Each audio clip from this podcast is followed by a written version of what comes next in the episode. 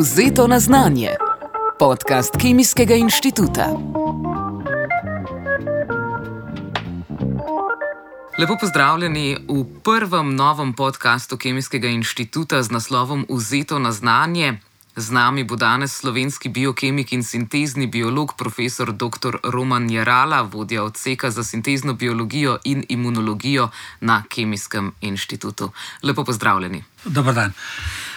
Verjamem, da ste si v zadnjem mesecu malce oddahnili, verjetno po eni strani zaradi tega, ker vas tudi mediji ne spremljajo več toliko, veliko je zdaj fokusa na Ukrajino, eh, ne na zadnje pa tudi se nekako delamo, kot da je epidemija se pravzaprav že končala. Se je s tem tudi vaš fokus, vaše delo usmerilo drugam?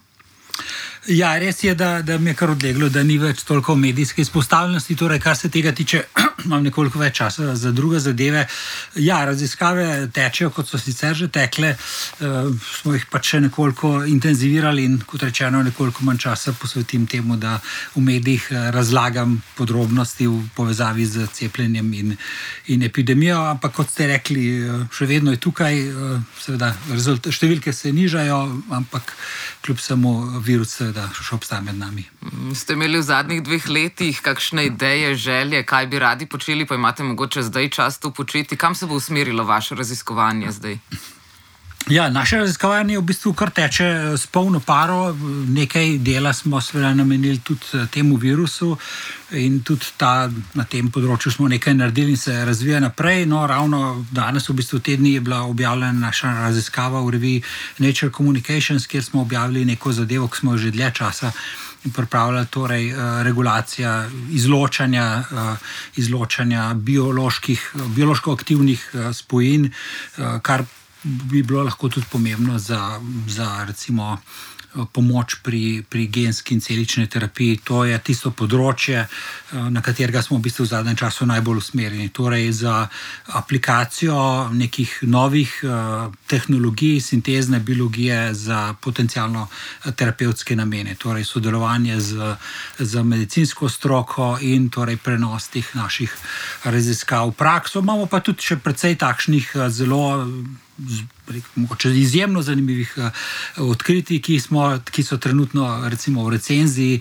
Ki so nekoliko zastala v tem času, torej nedvomno se je tempo raziskav nekoliko upočasnil, ampak zdaj torej, poskušamo s polno paro iti naprej. Zdaj, ko govorimo o genski terapiji, se mogoče komu sliši to malce strašljivo, ampak tukaj govorimo v bistvu, da na podlagi gena lahko lažje določite in bolj usmerjeno določite tudi zdravila, oziroma določite zdravila za nekatere bolezni. Kaj to pravzaprav pomeni? E, torej, marsikaj lahko pomeni. No? Eden, eden od takšnih načinov, e, predvsem če pogledamo na področjih, ki nas trenutno zanimajo, eno je seveda imunoterapija raka. Torej, v tem primeru gre za to, da vzamemo pacijentove celice T, ki sicer zagotavljajo imunski odziv, in jih spremenimo torej izven telesa, tako da, da jih usmerimo proti rakastim celicam, potem te celice spet unesemo eh, nazaj v pacijenta, in potem te celice so zdaj uh, oborožene s tem, da znajo prepoznavati rakaste celice in jih uničijo. In to je metoda, ki se je izkazala za zelo uspešno. Seveda ima pa seveda svoje, svoje velike prednosti, lahko pa boljša in mi delamo ravno na tem, da jo naredimo bolj varno, bolj uh, učinkovito. Drug pristop, ki pa je tudi spet pomemben del našega dela uh, raziskav, je pa prav genska terapija v tem smislu, da, da popravimo določene mutacije, ki povzročijo, povzročijo bolezni. Lahko naredimo na več načinov, tako da vnesemo v celi celice, recimo manjkajočo kopijo gena, lahko pa dejansko tudi z metodo CRISPR popravljamo določene eh, nukleotide. Lahko bodi si samo na nivoju RNK, kar pomeni, da genski zapis ostane enak, samo rezultat se, se nekoliko spremeni. Druga opcija pa je, da dejansko popravimo točno tisto. Eh, te, te mutacije. To je, so tehnologije, ki so nekako v razvoju, sem pa prepričan, da bodo prej, najbrž kot v petih letih, dejansko prišle v kliniko. Za nekatere primere bolezni so že pokazali, da dejansko uh, delujejo, in vedno večji je nabor teh bolezni. Nedavno Mislim, da prejšnji teden je bil dan uh, boja proti redkim boleznim, torej je kar veliko število, niso tako zelo redke, ampak seveda število uh, posameznikov, ki ima do, določeno bolezen, je, je relativno majhno. No, in v tem primeru moramo v bistvu uporabljati terapijo, ki je zelo izjemno prilagojena prav za tega posameznega uh, pacijenta in tukaj je naša motivacija, da razvijamo uh, tehnologije in jih seveda želimo potem čim prej pripeljati tudi do, do uporabe do pacijentov. Mm. Tako le za nepoznavalsko uho se sliši, kot da je to res nekaj povsem drugačnega kot virus, s katerim ste se ukvarjali zdaj zadnji dve leti. Je to zelo zarezalo v vaše delo?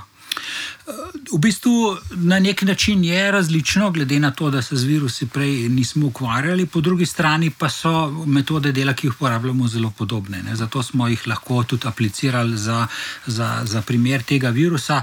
Uh, Seveda, epidemija je precej uh, vplivala na naše delo, kot na vse nas. Uh, torej, mislim, da vsem se je življenje precej spremenilo zadnje, zadnje dve leti, uh, precej nekaj časa je, seveda, je bilo omejeno uh, raziskovanje. Na srečo, prav za raziskave, ki so bile povezane z virusom, je bilo, je bilo omogočeno, ampak kljub vsemu smo morali paziti v laboratoriju, delati v izmenah. Uh, uh, torej, ja, nedvomno je epidemija močno močno zarezala, ampak že takrat na začetku, dve leti nazaj, smo, smo se odločili, da pač uh, vsaj del naših aktivnosti usmerimo tudi v to, poskušamo prispevati kot le moremo, ker predvsem takrat na začetku ni bilo jasno, kako.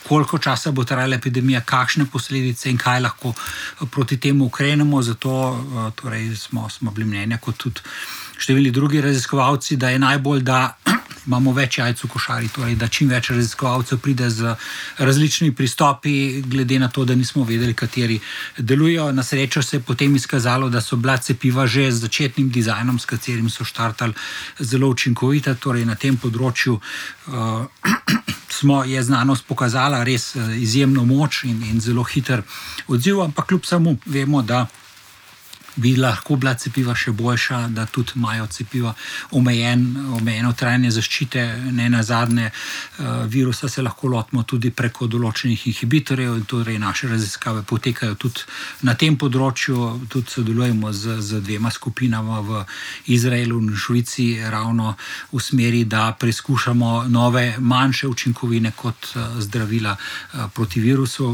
Na živalih so se pokazala v redu, zdaj pa bi radi torej na to šli še na naslednjo stopnjo in videli, če bi dejansko lahko uporabna kot, kot za zdravljenje infekcij. Torej, to je, kar se tiče vašega profesionalnega udejstvovanja v znanosti, ampak kaj pa vi v zasebnosti? Kako ste doživljali to epidemijo, kako, se, kako je to vplivalo na vaše življenje, se je marsikaj spremenilo, kaj ste najbolj občutili?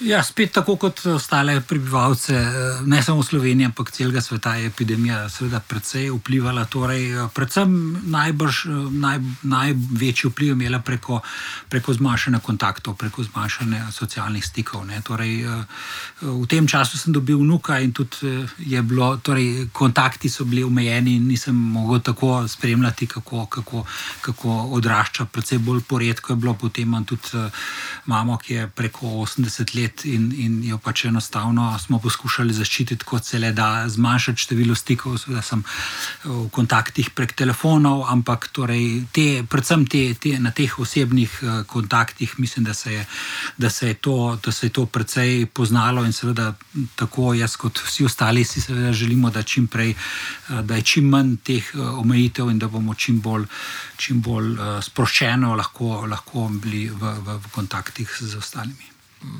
Jaz slišim se, kot da smo pravkar preživeli neko distopijo, ki mogoče ste jo tudi brali v kakšni literaturi, fikcijski v svojih mladih letih. Ste si predstavljali, naprimer, preden ste šli na fakulteto, ko ste si rekli, no, jaz pa grem na kemijo, grem se izobraziti za kemika. Ste si predstavljali, mogoče celo želeli, da bi se zgodila kakšna takšna situacija? Glede epidemije, zagotovo ne. Torej, nisem se niti predstavljal, kot mislim, da si najbrž nihče ni predstavljal na začetku, ko se je to pojavilo, da bo to v takšnem obsegu in takšnem trajanju. Zdaj, kar se pa tiče samega znanstvene poti, pa moram reči, da, da, da sem kar vesel, da se je tako izteklo. No? Tako da mislim, da glede na to, da glede razvoja, glede področja, torej že, seveda, kot ste omenili, sem študiral kemijo, dejansko me je pa biokemija zelo zanimala, čeprav takrat ni bilo možno študirati biokemije in vedno sem si želel delati nekaj takšnega, kot dejansko sedaj delam. No, tako da mislim, da moram reči, da glede tega, glede tega so se mogoče stvari razvile še bolje, kot, kot, kot sem pričakoval. Ne samo zaradi mene, ampak tudi zaradi tega, ker je znanost v svetu izjemno napredovala torej v, na določenih področjih, tako kot si dejansko nisem, nisem, nisem predstavljal in sem seveda vesel, da sem del tega in, in prispevam k, k razvoju znanosti. Se kot uh, imunolog so lahko imunologi tudi kateri drugi poklici, se pravi tisti, ki morda se niso izobrazili v kemiji, ampak mogoče na katerih drugih področjih. Se to tudi da? Kako torej sploh postanemo imunologi? Imunologi, seveda, so bolj eh, nekako z področja veta v življenju oziroma medicine. Torej, večina imunologov je, je, je zdravnikov, je končalo študij, študij medicine. Tako da jaz se v bistvu nimam za nekega takšnega pravega imunologa, bolj bi mogoče rekel molekularnega imunologa. Torej, mene zanima, kakšen je molekulski mehanizem delovanja imunskega sistema in kako lahko vplivamo na, na, na imunski sistem. Torej, manj se spoznam na, na bolezni, ki so povezane z z, z, z tem, ampak mogoče res na tem, na tem molekulskem nivoju, kjer vedno več vemo o tem izjemno kompleksnem eh, sistemu. Nekaj, mislim, da, da je temu razumevanju prispevala tudi eh, naša skupina, predvsem pa je zanimivo to, kako lahko poznavanje samih mehanizmov eh, tega imunskega sistema prispeva k temu, da lahko zasnujemo določene. Zdravljenje, zdaj prej sem omenil imunoterapijo raka, potem so razne imunske pomankljivosti, torej, kjer lahko bodi si zavremo pretirano delovanje imunskega sistema, ali pa po drugi strani ga spodbudimo za to, da premagamo okužbo ali pa določene bolezni. Ja, zdi se, da je teh bolezni vedno več. Bomo v prihodnje potrebovali še več imunologov, jih imamo v Sloveniji sploh dovolj. Ja, mislim, da je na tem področju bilo seveda dobro, da bi imeli nekoliko, nekoliko še, še več. Uh, še več imunologov, to se, to se strinjam, ampak eh, po drugi strani pa upam, no, da, se, da se te bolezni ne bodo širile. Mogoče je seveda tudi napredek diagnostike prispeval k temu, da, da, eh, da mogoče bolezni, za katere prej nismo vedeli vzroka, poznamo in jih, jih znamo eh, zdraviti. Po drugi strani pa vedno bolj razumevamo prepletenost vseh teh sistemov v človeškem telesu torej in vlogo imunskega sistema tudi pri procesu procesi, za katere prej nismo menili, da ima takšno vlogo. Recimo, spet, če omenjam uh, raka, danes vemo, da je dejansko imunski odziv ključen. Namreč tudi z radioterapijo ali pa s kemoterapijo. Je nujna uh, upletenost uh, imunskega sistema, torej samo, samo, samo radioterapijo ne moramo uničiti raka, ampak mora tudi zraven sodelovati imunski sistem uh, človeka in torej z kombinacijo tega znanja, seveda, smo lahko bolj uspešni. Večkrat ste zdaj že omenili raka, ki je tudi vedno bolj prisoten v naši družbi. Bi rekli, da je naša imunologija v Sloveniji dovolj razvita? Kako sploh je razvita imunologija pri nas v Sloveniji, glede na stanje, tudi glede na pojavnost bolezni, s katerimi se uh, no, vsaj posredno ukvarjate? Ja, tež, nisem prepričan, da sem pravi človek, da, bom, da bi o tem z, z medicinskega stališča dal neko kvalificirano uh, oceno. Uh, Slovenija je kljub samo relativno majhna država v primerjavi z drugimi večjimi, zato lahko v bistvu pokrivamo samo določene dele eh, znanosti. Tako da nimamo zagotovo specialistov prav za vsa področja imunologije, za določena področja pa smo zagotovo, zagotovo kar dobri. Recimo v naši skupini smo posebej raziskovali uh, tako imenovan naravni imunski sistem, ki se ime se sicer danes precej zlorablja v, v širši javnosti, torej gre za nek imunski sistem, ki je ki je gensko kodiran, ki je sposoben zelo hitrega odziva. Torej, gre za določen set receptorjev, ki prepoznavajo molekule, ki signalizirajo nevarnost ali pa okužbo z, z, z bakterijami in omogočajo zelo hitro odziv, torej so tolo podobni receptori, kjer imajo spet vlogo v velik uh, različnih boleznih. Druga veja je pa ta, ki jo danes v povezavi z epidemijo bolj slišimo, torej protitelesa, celice, te. Te pa so, recimo, udeležene v tistem segmentu, kjer smo preomenjali imunoterapijo raka. In, uh, torej poskušamo torej, imeti znanje na, na obeh teh področjih, zraven pa jo kombinirati še z, z sintezno biologijo, z nekimi novimi pristopi za, za uh, uravnavanje uh, delovanja uh, celic, zato da, da spodbudimo točno takšen odziv, kot bi ga želeli. Omenili ste torej ta naravni telesni imunski odziv, o katerem se je res veliko govorilo zdaj kje pa so bile pravzaprav tiste glavne napake pri razumevanju tega? Ker veliko ljudi si je mislilo, nekako kot koronavirus je zdaj prehlad, se pravi, če prehlad prebolim, namesto da vzamem tableto, ker ni dobro, da jo prehitro vzamem, bo že telo samo vzpostavilo moj imunski odziv. Tako nekako so razumeli tudi potek bolezni pri koronavirusu in vzpostavitev imunskega sistema. Kje so se motili, na katerih točkah? Ja, določen del je seveda v tem, da ne poznamo popolnoma dobro, kakšen, kaj je tisto, kar eh, določene ljudi naredi bolj občutljive na okužbe, določene ljudi pa mogoče celo zaščiti. Je, torej, imunski sistem je zelo kompleksen, torej ima zelo veliko število igralcev in danes že vemo, da recimo eh, interferonski odziv je zelo pomemben. Mladi imajo močnejšega, starejši imajo eh, šipkejšega, potem je in. Izkazalo se je tudi, da nekateri, ki imajo proti telesa, proti komponentom tega, tega eh, odziva, so zelo dovzetni za hujši potek bolezni. Takšnih je v populaciji nekako 2 do 3 odstotke, običajno nimajo nobenih, nobenih pomankljivosti, niti ne zaznamo, da, da, so, da so kaj posebej občutljivi, ampak eh, odziv na, na okužbo je pa lahko precej precej hujši. Zato menim, da v bistvu noben ne more vnaprej napovedati, kako dobro se bo odrezal v primerjavi z okužbo. Poznamo primere.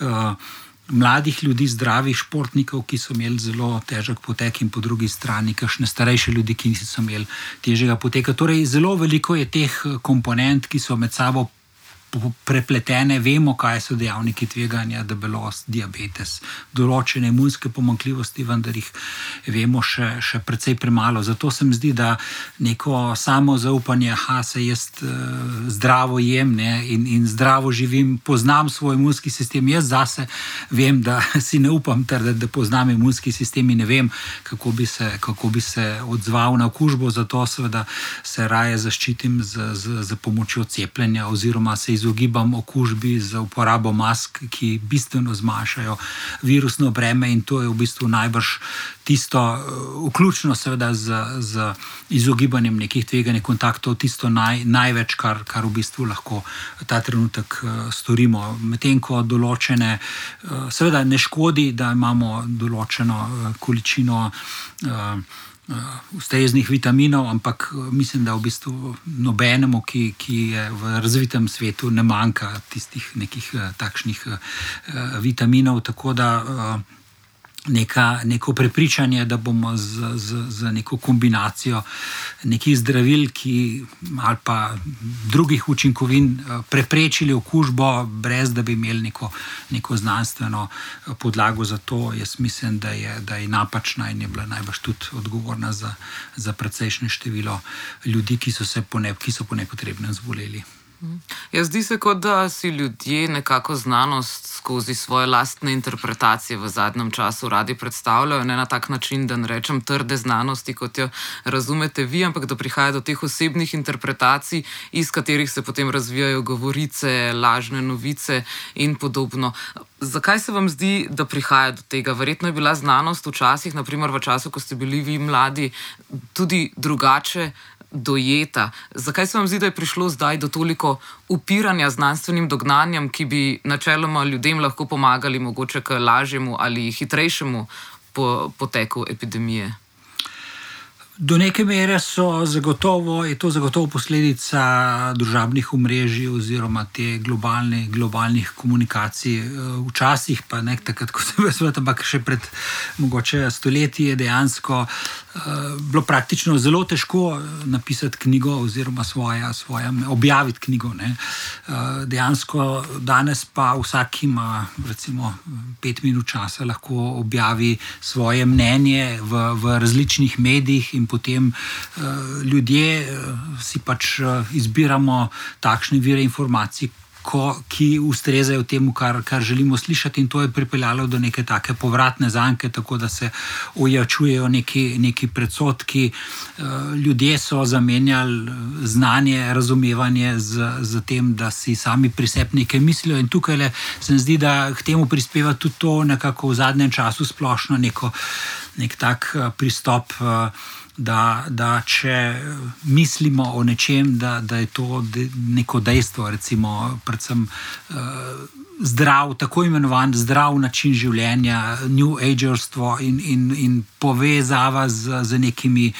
Z nekimi uh, lahko rečem, namišljenimi um, predstavami o svetu, ki se, ki se lahko zelo hitro širijo naokrog in ki so privlačne, ki so, ki so, ki so zanimive. Ne na zadnje, tudi razne teorije za rod so, so neke take zgodbe, ki, ki seveda bi lahko bile resnične ne, po, po, po nekem takem scenariju, in potem se bojim, da se enostavno to, kar vali naokrog in, in ojačuje. In, in, uh, znanost pa seveda je. Uh, Mila mogoče nekoč je bila mogoče jemana nekoliko bolj uh, resno, uh, dolgočasno, če, če želite. Ne? Danes pa, danes pa uh, seveda ravno z, z tem uh, ojačevanjem uh, teh uh, informacij, ki krožijo naokrog, se potem tudi vsaka uh, informacija lahko tudi napačno interpretira. Do tega, da uh, mislim, da je dokazano, da, tvo, da krožijo naokrog direktno fabricirane popolnoma izmišljene zadeve. In uh, moram reči, da razumem ljudi, ki se ne spoznajo na to področje, da se zelo težko odločijo, zato ker dobijo informacije iz zelo različnih uh, uh, virov in ne na zadnje. Za razumevanje znanstvenih člankov je potrebna neka, neka izobrazba, neko razumevanje. Ni, ni enostavno poprečen. Uh, član družbe bo bolj težko šel prebrati nek članek v Lancet in, in, in razumeti, kaj, kaj, kaj pravi, in kaj šele, da bi kritično uh, presodil v, v, v tem, kaj dejansko pomeni. In potem uh, mislim, da, da so ljudje dejansko zmedeni. Potem se pojavljajo različni mnenjski ali pa drugačni voditelji, ki potem propagirajo uh, svojo, svojo interpretacijo. Mislim, mislim, da marsikdaj lahko rečem, kar mogoče neodgovorno za stališča nekaterih znanstvenikov, tako da, da iščejo mogoče nekaj. Ne vem, slave ali, ali česar koli, zato da propagirajo neke scenarije, ki so, ki so rekel, popolnoma ali pa praktično, praktično eh, nemogoči, in iz tega potem izvira odpor ljudi do, do, do cepiv in, in cepljenja in situacijo, v kateri smo. K temu verjetno tudi niso pripomogle javne objave. Naprimer, slišali smo za primer ginekologa, ki je človek, ki torej ima neko medicinsko znanje, pa je pravzaprav na robe prevedel neplodnost, ker je šlo pravzaprav za neplodnost na celični ravni, ne pa neplodnost ženske, uh, ko je govoril o cepivih. Uh, tudi takšne informacije, verjetno ravno iz teh bolj znanstvenih krogov, nam verjetno ne pomagajo. Ja, res je. Mislim, da, da ta, ta primer je najbolj povzročil enega naj, največje škode, ker predvsem, ko gre za, za, za, za otroke, so ljudje izjemno občutljivi. Ne? In poznamo veliko primerov, ko se nosečnice niso želeli cepiti, ravno zaradi tega pa vemo, da je nosečnost tudi eden od, od dejavnikov tveganja in je bilo tudi nekaj takšnih primerov. Torej, v tem primeru, točno v tem, se še celo spomnim, kdaj je bilo, kdaj se je ta novica pojavila na, na Twitterju in sem v bistvu kot neke vrste Twitter triaža v bistvu v parih urah eh, odreagiral in, in podal nasprotne argumente, kot so omenili. Govora je bilo o neki sterilizacijski imunosti, dejansko na področju imunologije pomeni nekaj popolnoma drugega. Namreč, da, da recimo imunski odziv proti telesa preprečijo virusa, da bi okužil celice, nima pa nobene povezave s plodnostjo. To je bilo zraven v povezavi še z neko Izkazalo se je popolnoma napačno informacijo o podobnosti med zaporedjem virusnega proteina in, in sincicinom, enega iz proteinov, ki, je, torej, ki se izraža v, v, v placenti. In tudi sem pokazal, da dejansko tista podobnost je popolnoma, popolnoma uh, lažna, popolnoma napačna, ampak škoda je bila že narejena. Enostavno v takih primerih se poskuša umeti, kot se le da, ampak spet je tisto, kaj pa če le. In potem za vsak primer se, se veliko ljudi ni cepilo. Zato menim, da, da ljudje, ki imajo neko izobrazbo strokovno, da imajo neko posebno večjo odgovornost in se morajo zavedati, da njihove eh, takšne izjave imajo lahko zelo, zelo hude posledice. Ste zaradi tega tudi sami tako aktivni na Twitterju, da ste bili nekako ta protipol tistim lažnim informacijam, ki so se naokoli delile? Ja, dejansko sem se, eh, moram reči, da, da Twitter je seveda podobno kot vsa taka orodja, spletna imajo zelo dobre in slabe strani. Po drugi po eni strani je Twitter seveda omogoča, da tudi sam, da pridem do strokovno zelo kvalitetnih, zelo, zelo hitrih informacij, različna mnenja se soočajo, po drugi strani pa seveda veliko uh, žaljenja, veliko laži, veliko zavajanja in to je pač potrebno nekako kompenzirati. Torej, ja, v bistvu v tem pogledu sem, sem vzel kot neke vrste poslanstvo, da, da mogoče dodatno interpretiram, pojasnjujem določene. Eh, znanstvene informacije, poglede.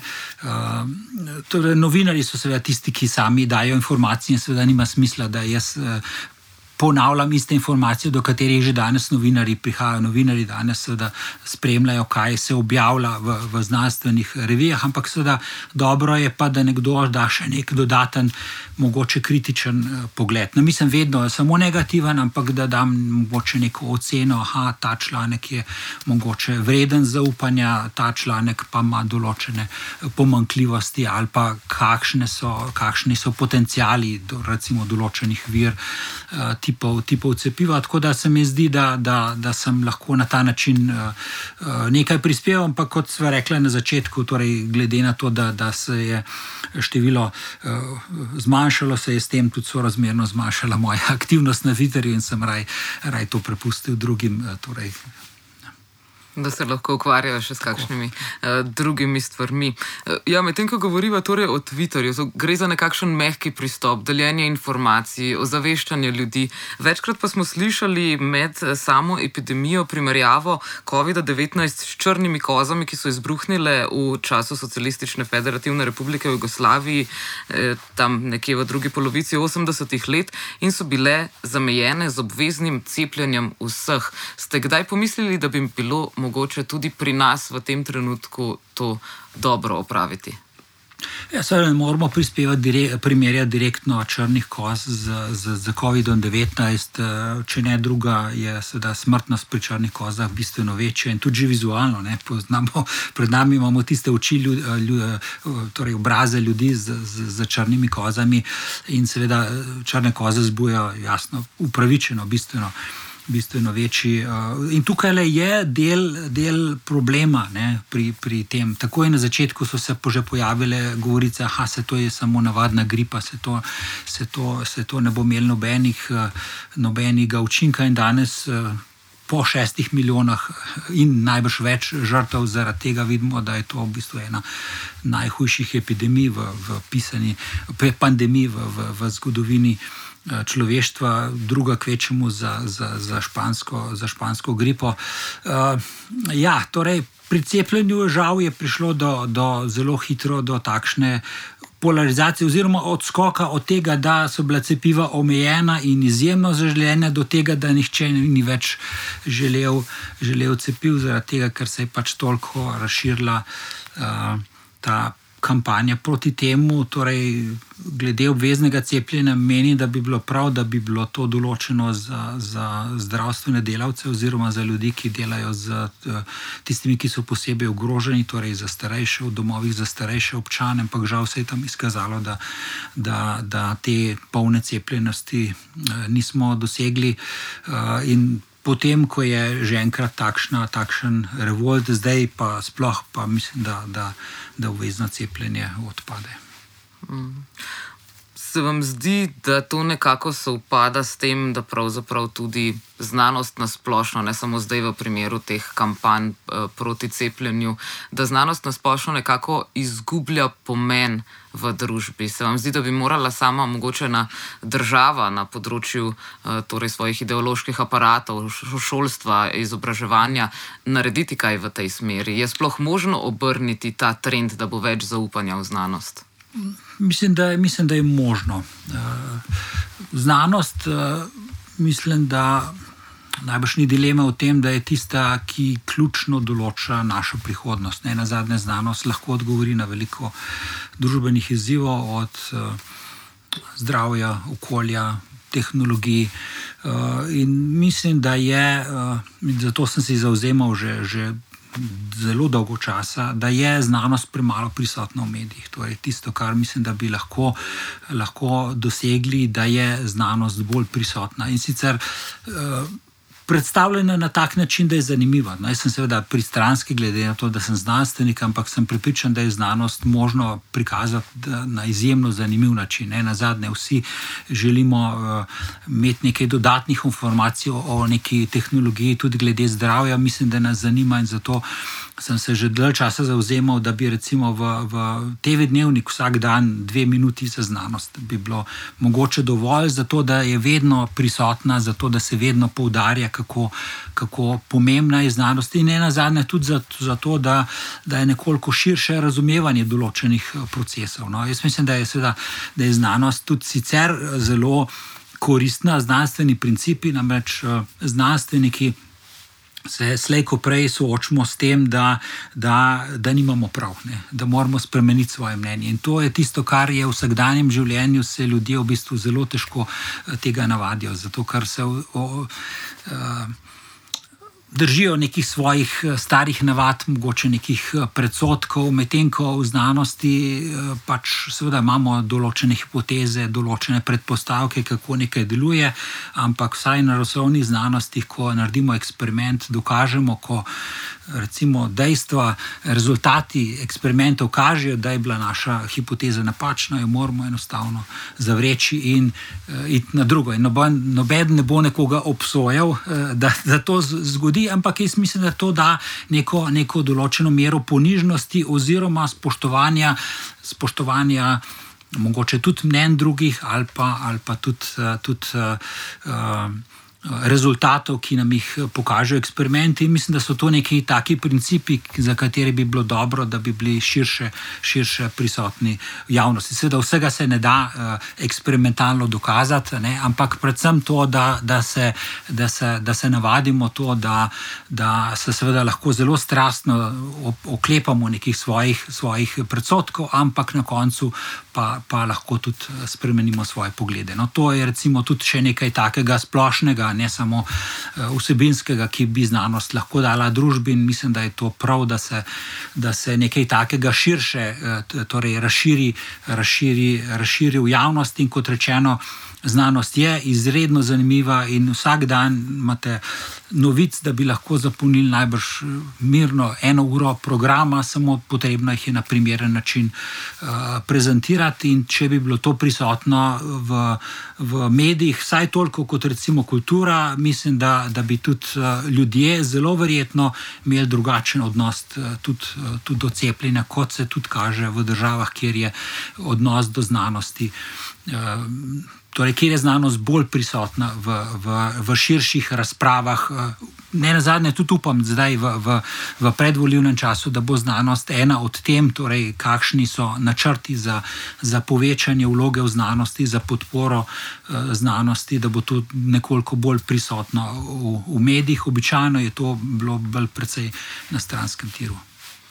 Ja, tudi za prihodnost pravijo, da nam bo znanost vedno bolj lahko pomagala, če seveda jo bomo upoštevali njena dognanja. Ne na zadnje tudi okoljevarstveniki že desetletja svarijo, da bo naprimer tudi zaradi taljenja permafrosta, torej trajno zamrznjene zemlje, v zrak verjetno prišlo še več virusov. Smo naprimer pripravljeni na prihodnjo epidemijo, pandemijo. Glede permafrosta nisem tako prepričan, da, da je to mesto, odkuder eh, bodo prišli virusi, ki se jih moramo bati, ker kljub samo virusi morajo biti prilagojeni na, na človeka. Uh, in vprašanje, ne, če, če virusi, ki so, ki so obstajali pred mogoče milijoni let, če bi dejansko. Uh, učinkovito okužili človeka, po drugi strani pa se, se, se dogaja uničevanje okolja, eh, ne na zadnje, tudi divje živali se bolj soočajo s človekom, tudi netopiri, eh, ki so vir, eh, recimo, koronavirusa.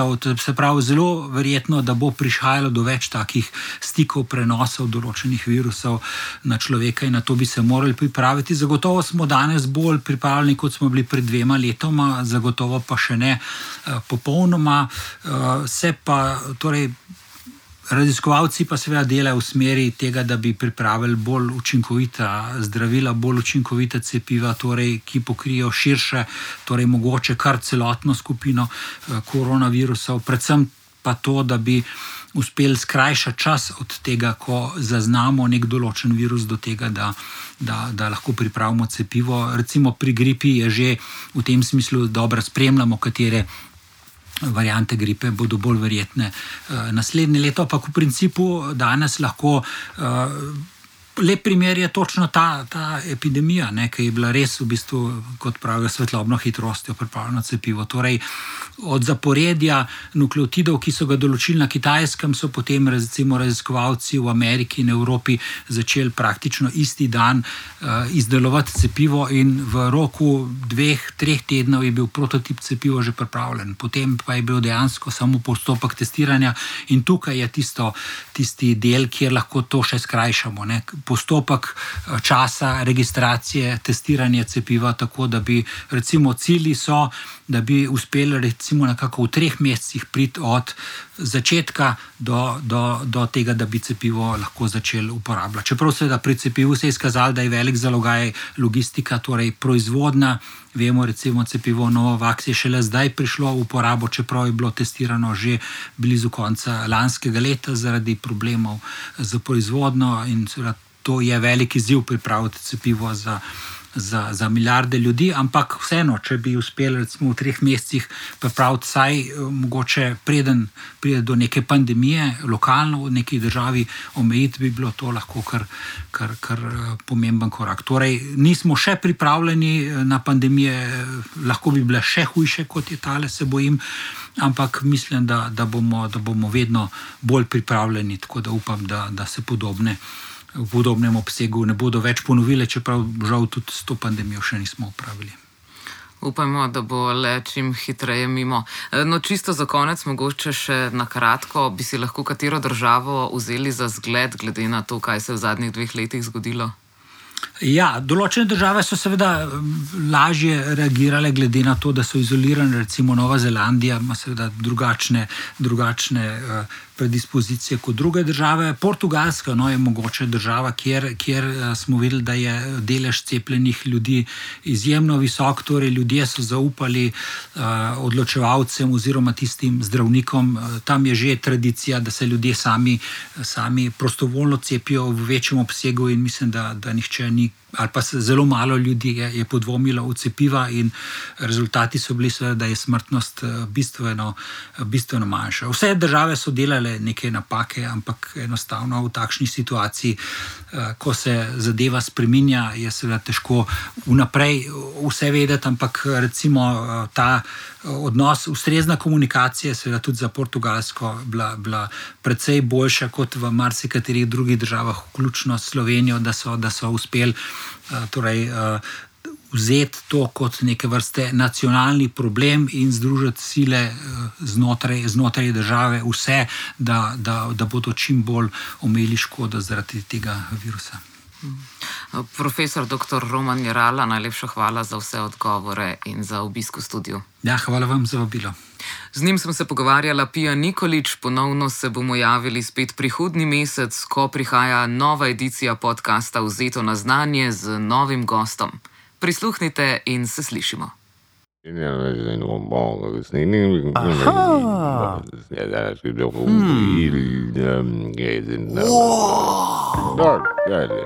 Vzeto na znanje. Podcast Kemijskega inštituta.